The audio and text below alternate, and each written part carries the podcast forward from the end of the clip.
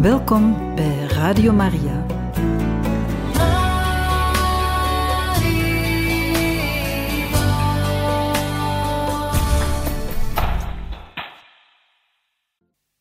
Van harte welkom, beste luisteraars van Radio Maria, bij het programma Catechismus. Vandaag kunnen wij luisteren naar een catechese over Onze Lieve Vrouw van Fatima. Deze wordt ons gegeven door Pater Jan Meus. We laten hem graag aan het woord.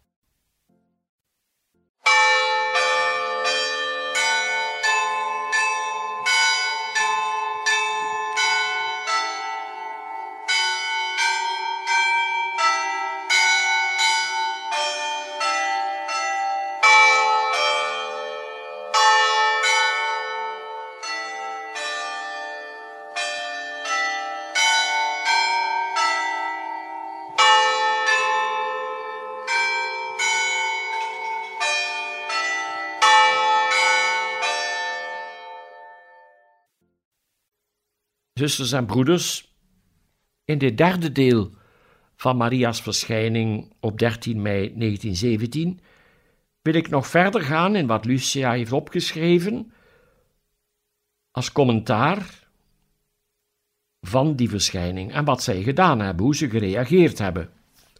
Het laatste waar we het net over hadden was dat Maria na haar laatste woorden deze kinder zegende, als het ware, door haar handen te openen met een hemelslicht, waar ze zelf vervuld van was, zodat deze drie kleine kinderen zichzelf konden zien en dat konden beleven, ook als kind, in God, in Gods tegenwoordigheid.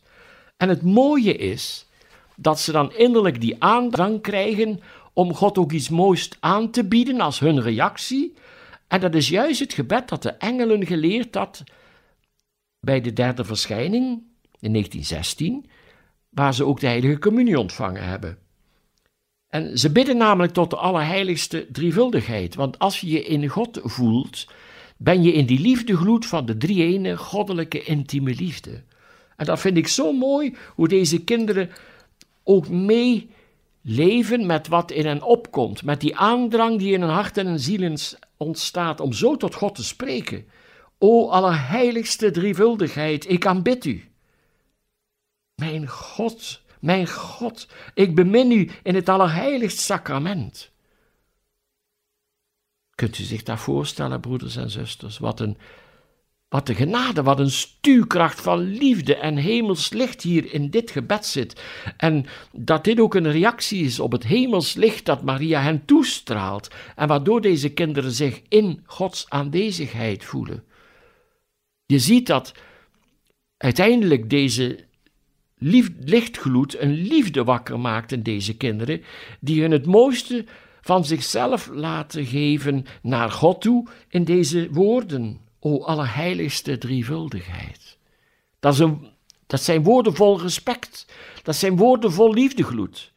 Het, o allerheiligste drievuldigheid. De kinderen lezen dat niet af van een blaadje, maar deze tekst wordt wakker in hun hart. Deze woorden komen op uit het ziel en ze spreken ze uit. Ze, ze laten ze klinken. Ik aanbid u. Dat was ook in dat eerste gebed wat de engel hen leerde. O mijn God, ik aanbid u. Dat was het eerste stukje. En dat, dat komt zo bij hen naar boven dat ze dat uitdrukkelijk zeggen. Ik aanbid u, mijn God. Mijn God, ik bemin u. Dat zijn kleine delen uit dat grotere gebed, wat toch tamelijk kort is gebleven, dat de engel hen leerde. Mijn God, ik aanbid u. Ik geloof in u. Ik hoop op u en ik bemin u. En ik vraag u vergiffenis voor hen die u niet aanbidden, niet in u geloven, niet op u hopen, u niet beminnen. Twee stukjes uit dit gebed bidden ze hier. Ik aanbid u, mijn God. Mijn God, ik bemin u. Die kleine kinderen zijn zo bezield door de hemel, door de hemelse moeder. Ze delen in haar liefde voor God, mag je het ook wel zeggen, vind ik. Dat ze God aanbidden en beminnen en liefhebben. En wat moet God geglimlacht hebben? Moet God daarvan genoten hebben? Want dit was puur. Dit was een reactie van de kinderen op wat de moeder, Gods lieveling Maria, deze kinderen had uitgestraald als haar handen opende. Daardoor vervulde dat licht hen dat ook liefde was, dat genade was, dat zegen was. En zo goddelijk dat ze zichzelf in God konden zien. En dan krijg je ook een reactie die daarbij hoort. Mijn God, ik aanbid u. Mijn God, ik bemin u. Is het niet mooi, broeders en zusters? Het zijn maar enkele woorden, maar heel ons hart, heel onze ziel, heel onze persoon kan daarin meeklinken. Als het meer is dan een lippengebed, en dat was het voor deze kinderen. Het was hun onmiddellijke reactie op dat stralende licht dat de Moeder Gods met haar open handen hen toezond. En in dat licht zagen ze zichzelf in God, die ze onmiddellijk aanspreken, met de rijkste benaming, O allerheiligste drievuldigheid. Ik aanbid u, mijn God. Mijn God, ik bemin u. Ook dat woordje mijn drukt iets van liefde uit, zoals verliefde tegen elkaar zeggen ook mijn geliefde, of met de naam erbij, mijn, zoals we ook kunnen zeggen, mijn Jezus. Door juist dat te zeggen, mijn God, zeg je meer dan God. Of schoon daar ook liefde in kan zitten, maar dat deze kinderen spontaan dit zeggen, mijn God, wat ze eigenlijk al meegekregen hebben een jaar tevoren van de engel, en dat het zo in hun leeft, want het blijkt dat ze dat gebed van de engel heel veel herhaald hebben, geknield op de grond met hun hoofden op de grond, het uiterste teken van eerbied dat ze van de engel geleerd hadden. En eerbied is ook een bijzondere vorm van liefde. Ik zou me kunnen voorstellen, broeders en zusters, dat u enkele keren per dag bij een beeltenis van God misschien een foto van de drie ene God, de icoon, een icoon daarvan. En dat u daar een kaarsje aansteekt en ook dat zegt, o allerheiligste drievuldigheid, ik aanbid u, ik aanbid u, mijn God, mijn God, ik bemin u. Dit is een één worden met God, dan groeit die intimiteit, maar vergeet niet dat die kinderen dit doen als gevolg van de invloed van Maria. Zonder het optreden van Maria hadden ze dit niet op deze wijze gekund. En dat doet ons ook de vraag stellen aan onszelf: welke plaats heeft Maria gekregen in mijn hart, in mijn leven? Gedraag ik mij als haar kind, zoals God de Zoon als kind van Maria zich gedroeg, als kleinkind, heel klein nog, bij de vlucht van Egypte waar ze gewoond hebben, en na de hand in Nazareth? Hoe moet Jezus zijn liefde geuit hebben voor zijn mama? Mama, mijn mama. En moet hij haar omhelst hebben? Wat moet Jezus gevoeld hebben als Jezus haar kuste? Welke liefde die zowel goddelijk was als volmaakt en stralend warm menselijk. Zusters en broeders, als u u gaat gedragen als kinderen van Maria, zoals deze drie, Francesco, Jacinta en Lucia, spontaan zij gaan doen bij de eerste verschijning, dan deelt onze lieve vrouw met u haar liefde voor God. En als je dan bidt, wordt dat een liefdesverklaring. En als je dan weer kijkt wat die kinderen zeggen, o allerheiligste drievuldigheid, dan moeten ze stralend gezegd hebben, die woorden, met een liefde. Wakker geroepen door de liefde van Maria, die hen aanspreekt en zegent met dat wonderlijke licht waardoor ze zich in God zien. Ze spreken met liefde. En die woorden blijven nieuw, omdat de liefde de betekenis aan die woorden geeft. In het theologisch woordenboek zou u kunnen opzoeken wat betekent allerheiligste drievuldigheid. En dat is dan zakelijk, of dat is belangrijk voor het verstand, dat je weet dat je iets, iets belangrijks zegt. En dat kun je ook afleiden, deze naam, uit wat Jezus zegt aan het eind van het evangelie. Doopt allen in de naam van de Vader en de Zoon en de Heilige Geest. Dan noemt hij in drie, in één adem deze drie goddelijke personen. En dan zie je dat het eigenlijk een reactie is op deze woorden, onder andere, die Jezus spreekt als hij de zending geeft aan zijn apostelen en via hen aan heel de kerk. Doopt allen in de naam van de Vader en de Zoon en de Heilige Geest. En dan denk ik ook aan die mooie mogelijkheid, die zo genadevol en schoon is, dat we het kruisteken maken. En dan zeggen in de naam van de Vader, de Zoon en de Heilige Geest. En wie verbiedt ons om een keer te zeggen, in naam van u, mijn Vader, in naam van u, mijn zoon, zoon van de Vader, in naam van u, Heilige Geest van de Vader en de Zoon, dat je niet spreekt over de derde persoon, maar je richt tot die drie goddelijke personen. Zoals ook in het eer aan de Vader dat we bidden aan het eind van een tientje of aan het eind van een psalm. En in plaats van eer aan de Vader te bidden, kun je bewogen door de liefde zeggen: Eer aan u, Vader, eer aan u, Zoon, eer aan u, Heilige Geest. En dan gaan we die weg van de liefde van deze drie kinderen, die als, als ze die genade van Maria ontvangen, zichzelf in God te zien, zeggen: O allerheiligste drievuldigheid. Ze spreken de God aan in zijn diepste, alles overstijgende heerlijke wezen, vol schoonheid, vol licht, vol eeuwigheid. O allerheiligste drievuldigheid, zeggen ze. En het is meer dan zeggen, hun ziel jubelt het uit, geraakt als ze zijn door de liefde van Maria en die liefdestroom en dat licht dat hem omgeeft en zichzelf doet zien in God.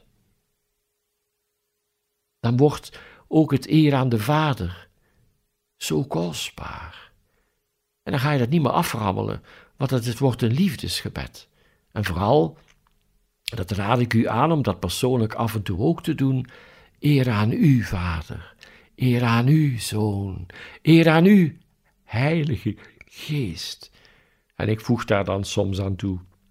Drie ene, intieme liefdegloed. Want dat is de goddelijke drievuldigheid.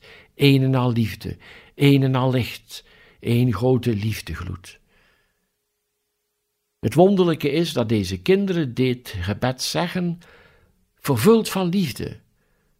En dat is omdat ze kinderen zijn zuiver van hart, ontvankelijk, eenvoudig, en Maria alle invloed op hen kan uitoefenen, waardoor dit, en maar moet Maria genoten hebben als ze de kinderen dit hoort zeggen. Want er is een reactie van die kinderen, van hun hele wezen, hun hart, hun ziel, hun verstand, hun hele persoontje, wanneer ze dat zo uitdrukken. O allerheiligste drievuldigheid, ik aanbid u. Mijn God, mijn God, ik bemin u in het allerheiligst sacrament. Wat moet onze lieve vrouw hiervan genoten hebben als ze deze reactie hoort en ook ziet hoe die kinderen dit bidden met een gloed, met liefde, met hele persoon, als reactie omdat ze de liefde en het licht van Maria ook echt hebben ontvangen en zichzelf hebben gezien en zien en ervaren in God. Dat is de uitdrukking ervan. Dat is een reactie, dat is een antwoord. En dat is zo mooi. En hoe dikwijls zullen die kinderen dit terug blijven bidden, want omdat ze zijn wie ze zijn, aanvankelijk beïnvloed door die drie verschijningen van de engel, en vanaf nu ook nog eens beïnvloed door de moeder Gods Maria, die hem bemint en hen laat delen in die liefdegloed, in dat wonderlijk licht, dat verdwijnt niet meer uit hen. Ze blijven dit koesteren, ze blijven dit bidden, en ze kunnen het met hun drieën doen. Alleen moet natuurlijk, als die verschijning afgelopen is, Lucia uitleggen wat Maria gezegd heeft, want Francesco ziet alles en hoort de antwoorden van Lucia en van zijn zusje, maar hij heeft niet gehoord wat Maria gezegd heeft en dat legt Lucia dan uit. En tot slot, als die kinderen dit gebed gezegd hebben, dan lezen we bij Lucia, na die eerste ogenblikken voegde ons lieve vrouwen nog aan toe, bid iedere dag het roze hoedje om de vrede te verkrijgen voor de wereld en het einde van de oorlog. Het rozenkransgebed blijkt ontzettend kostbaar en belangrijk te zijn. En daar ga ik mee stoppen met daarover te zeggen, heel kort maar krachtig. Het rozenkransgebed bestaat uit gebeden die uit de Bijbel komen. Het Onze Vader heeft Jezus zijn leerlingen geleerd. Het Wees gegroet komt van de engel en wat, wat Elisabeth vervult van de Heilige Geest tot onze lieve vrouw zegt. En de kerk heeft dan het tweede deel eraan toegevoegd. En het eer aan de Vader, het Gloria Patri, komt eigenlijk ook uit een lofzang uit het laatste boek van de Bijbel. Dat zijn de teksten, de woorden die we bidden bij de Paternoster. Voorafgegaan door de geloofsbeleidenis, wat ook een liefdesverklaring is als je het met je hart doet. Maar de inhoud van het rozenkansgebed, en vooral sinds de heilige paus Paulus, Johannes Paulus II, daar de vijf nieuwe mysteries aan toegevoegd heeft van het licht, de inhoud van die rozenkrans, zijn eigenlijk twintig ontmoetingen met Jezus. Daar beschrijft de paus ook in zijn encycliek over de rozenkrans wat we dan kunnen doen terwijl we tientje bidden is met Maria naar Jezus kijken in dat mysterie. Maria ontvangt in haar schoot Jezus, het eerste mysterie. Of, ik maak een sprong, de bruiloft te Cana, Maria gaat naar Jezus toe en zegt, ze hebben geen wijn meer. En Jezus reageert als de bruidegom, die zijn volk, al aanwezig in zijn moeder, bemint en zegt vrouw tegen haar. En dan doet hij het wijnwonder om zijn liefde te laten proeven. Mooi is dat. En weet je wat zo mooi is? Met de hulp van Maria mogen we naar Jezus kijken, maar er komt nog een extraatje bij. Al die mysteries heeft Maria ook in haar hart bewaard, omdat ze dat allemaal zelf ook persoonlijk heeft beleefd tijdens haar aardse leven. En dan de laatste twee, als ze in de hemel is opgenomen en gekroond wordt. En als we ons als kind van Maria gedragen, zoals die drie zienertjes bij de eerste verschijning al doen, ze laten Maria doen, ze laten dat licht binnen en ze reageren erop. Als we ons als kind van Maria gedragen, zal zij stap voor stap, geleidelijk aan, ons ook meedelen voor zover we daarvoor ontvankelijker worden en zuiverder van hart en eenvoudig, wat zij in haar hart bewaart betreffende dat mysterie dat we overwegen. En dan krijg je dus twintig ontmoetingen met Jezus, waar Maria ons helpt, gaandeweg steeds rijker en dieper naar lang we groeien, om Jezus te ontmoeten, in wat ze met hem beleefd heeft, ook in zijn lijden en sterven, ook in zijn verrijzenis en hemelvaart en pinksteren, en haar eigen ten hemelopneming en gloriekroning. En weten wat zo mooi is, tot slot, broeders en zusters? Maria vraagt niet van die kinderen en de mensen om dagelijks naar de mis te gaan, omdat ze weet dat dat voor velen onmogelijk is. Ze vraagt wel om dagelijks het roze hoedje te bidden. En dat kun je doen. Als je het juiste moment uitkiest, alleen, of met enkele samen, of met Radio Maria, of met een cd waar de rozenkrans is opgenomen, er zijn vele mogelijkheden. Maar Maria zegt wel, bid die rozenkrans, dat roze hoedje, om de vrede te verkrijgen voor de wereld. En ik hoef u niet uit te leggen dat die vrede harder nodig is dan ooit tevoren. En het einde van de oorlog. Maria kan dus vrede bewerken als wij het roze hoedje bidden. Ik denk dat dit voldoende is in verband met de eerste verschijning van Maria.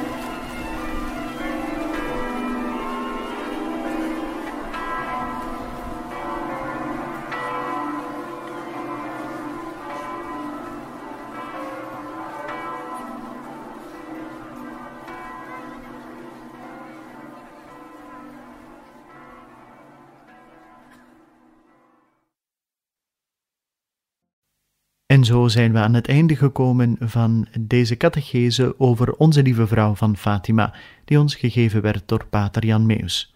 Een volgende keer zullen wij opnieuw hierin verder gaan en we hopen dan ook dat u er opnieuw wenst bij te zijn. Van harte dank en nog een bijzonder fijne dag gewenst.